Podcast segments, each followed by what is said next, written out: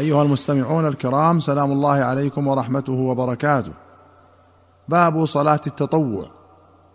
أخرج مسلم عن أم حبيبة رضي الله عنها قالت سمعت النبي صلى الله عليه وسلم يقول ما من عبد مسلم يصلي لله كل يوم ثنتي عشرة ركعة تطوعا من غير الفريضة إلا بنى الله له بيتا في الجنة قالت أم حبيبة فما تركتها بعدما سمعت ذلك منه. وأخرج مسلم عن عبد الله بن شقيق قال سألت عائشة رضي الله عنها عن صلاة رسول الله صلى الله عليه وسلم عن تطوعه. فقالت كان النبي صلى الله عليه وسلم يصلي في بيته قبل الظهر أربعة ثم يخرج فيصلي بالناس ثم يدخل فيصلي ركعتين وكان يصلي بالناس المغرب ثم يدخل فيصلي ركعتين. ويصلي بالناس العشاء ويدخل بيتي فيصلي ركعتين. وكان يصلي من الليل تسع ركعات فيهن الوتر. وكان يصلي ليلا طويلا قائما وليلا طويلا قاعدا. وكان إذا قرأ وهو قائم ركع وسجد وهو قائم. وإذا قرأ قاعدا ركع وسجد وهو قاعد. وكان إذا طلع الفجر صلى ركعتين. وأخرج البخاري ومسلم عن ابن عمر رضي الله عنهما قال صليت مع رسول الله صلى الله عليه وسلم ركعتين قبل الظهر وركعتين بعد الظهر وركعتين بعد المغرب وركعتين بعد العشاء فأما المغرب والعشاء ففي بيته وكان لا يصلي بعد الجمعة حتى ينصرف فيصلي ركعتين في بيته. وللبخاري قال حفظت من النبي صلى الله عليه وسلم عشر ركعات ركعتين قبل الظهر وركعتين بعدها وركعتين بعد المغرب في بيته وركعتين بعد العشاء في بيته وركعتين قبل الصبح وكانت ساعة لا يدخل على رسول الله صلى الله عليه وسلم فيها. وفي أخرى له قال وحدثتني حفصة أنه كان إذا طلع الفجر وأذن المؤذن صلى ركعتين خفيفتين. وأخرج الشيخان عن عائشة قالت لم يكن رسول الله صلى الله عليه وسلم على شيء من النوافل أشد معاهدة منه على ركعتين قبل الصبح. وفي رواية قالت ما رأيت رسول الله صلى الله عليه وسلم أسرع منه إلى ركعتين قبل الفجر ولمسلم أن النبي صلى الله عليه وسلم قال ركعة الفجر خير من الدنيا وما فيها وفي أخرى له أنه قال لهما أحب إلي من الدنيا جميعا. وأخرج الشيخان عن عائشة رضي الله عنها أن النبي صلى الله عليه وسلم كان يصلي ركعتين خفيفتين بين النداء والإقامة من صلاة الصبح فيخففهما حتى أقول هل قرأ فيهما بأم القرآن؟ وأخرج الشيخان عن حفصة رضي الله عنها أن رسول الله صلى الله عليه وسلم كان إذا أذن المؤذن للصبح وبدأ الصبح صلى ركعتين خفيفتين قبل أن تقام الصلاة. وفي رواية كان رسول الله صلى الله عليه وسلم إذا طلع الفجر لا يصلي إلا ركعتين خفيفتين. وأخرج الشيخان عن أنس بن سيرين قال قلت لابن عمر ارايت الركعتين قبل صلاة الغداة أطيل فيهما القراءة؟ قال كان النبي صلى الله عليه وسلم يصلي من الليل مثنى مثنى ويوتر بركعة من آخر الليل ويصلي ركعتين قبل صلاة الغداة وكأن الأذان بأذنيه. قال حماد أي بسرعة.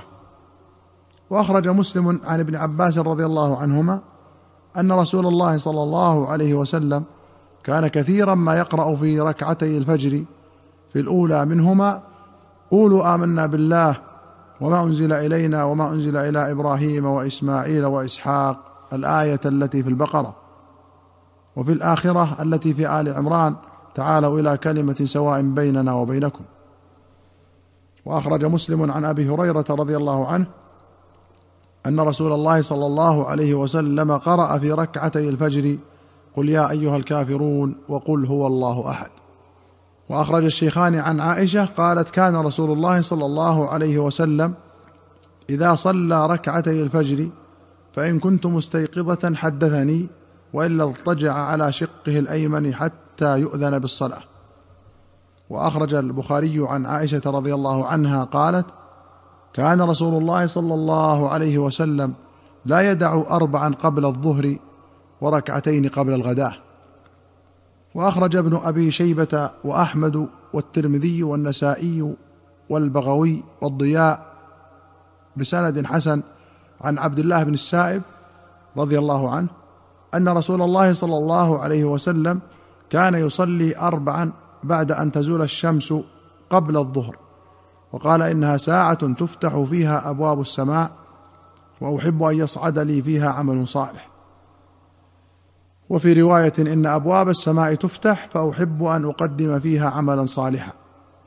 وأخرج البخاري ومسلم عن عائشة رضي الله عنها قالت ما كان النبي صلى الله عليه وسلم يأتيني في يوم بعد العصر إلا صلى ركعتين. وفي رواية قالت ما ترك رسول الله صلى الله عليه وسلم ركعتين بعد العصر عندي قط. وفي أخرى قالت صلاتان لم يكن رسول الله صلى الله عليه وسلم يتركهما سرا وعلانية في سفر ولا حضر. ركعتان قبل الصبح وركعتان بعد العصر. وللبخاري عن عبد العزيز بن رفيع قال رأيت عبد الله بن الزبير يطوف بعد الفجر ويصلي ركعتين ورأيت عبد الله بن الزبير يصلي بعد العصر.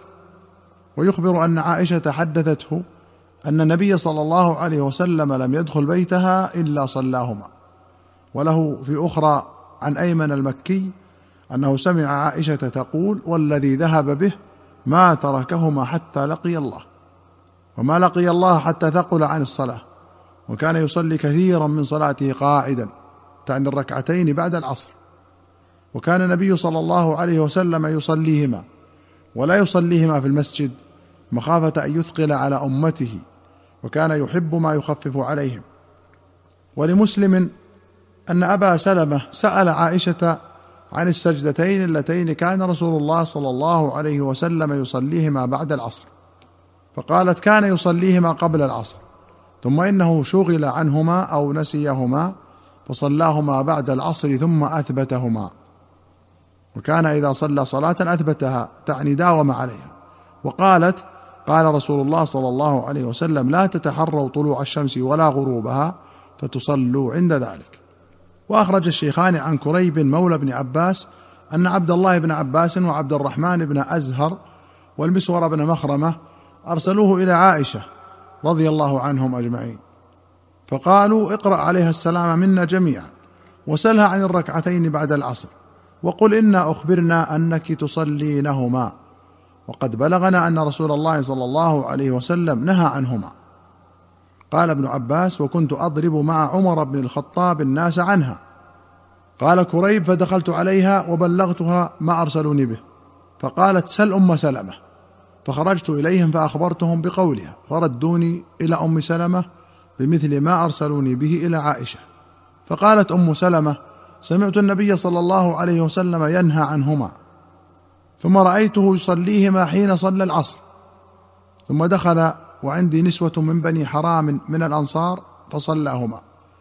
فأرسلت إليه الجارية فقلت قومي بجنبه فقولي له تقول لك أم سلمة يا رسول الله سمعتك تنهى عن هاتين الركعتين وأراك تصليهما. فإن أشار بيده فاستأخري عنه. ففعلت الجارية فأشار بيده فاستأخرت عنه. فلما انصرف قال يا بنت أبي أمية سألت عن الركعتين بعد العصر وإنه أتاني أناس من عبد القيس بالإسلام من قومهم فشغلوني عن الركعتين بعد الظهر فهما هاتان. أيها الإخوة المستمعون إلى هنا نأتي إلى نهاية هذه الحلقة. حتى نلقاكم في حلقة قادمة إن شاء الله. نستودعكم الله. والسلام عليكم ورحمة الله وبركاته.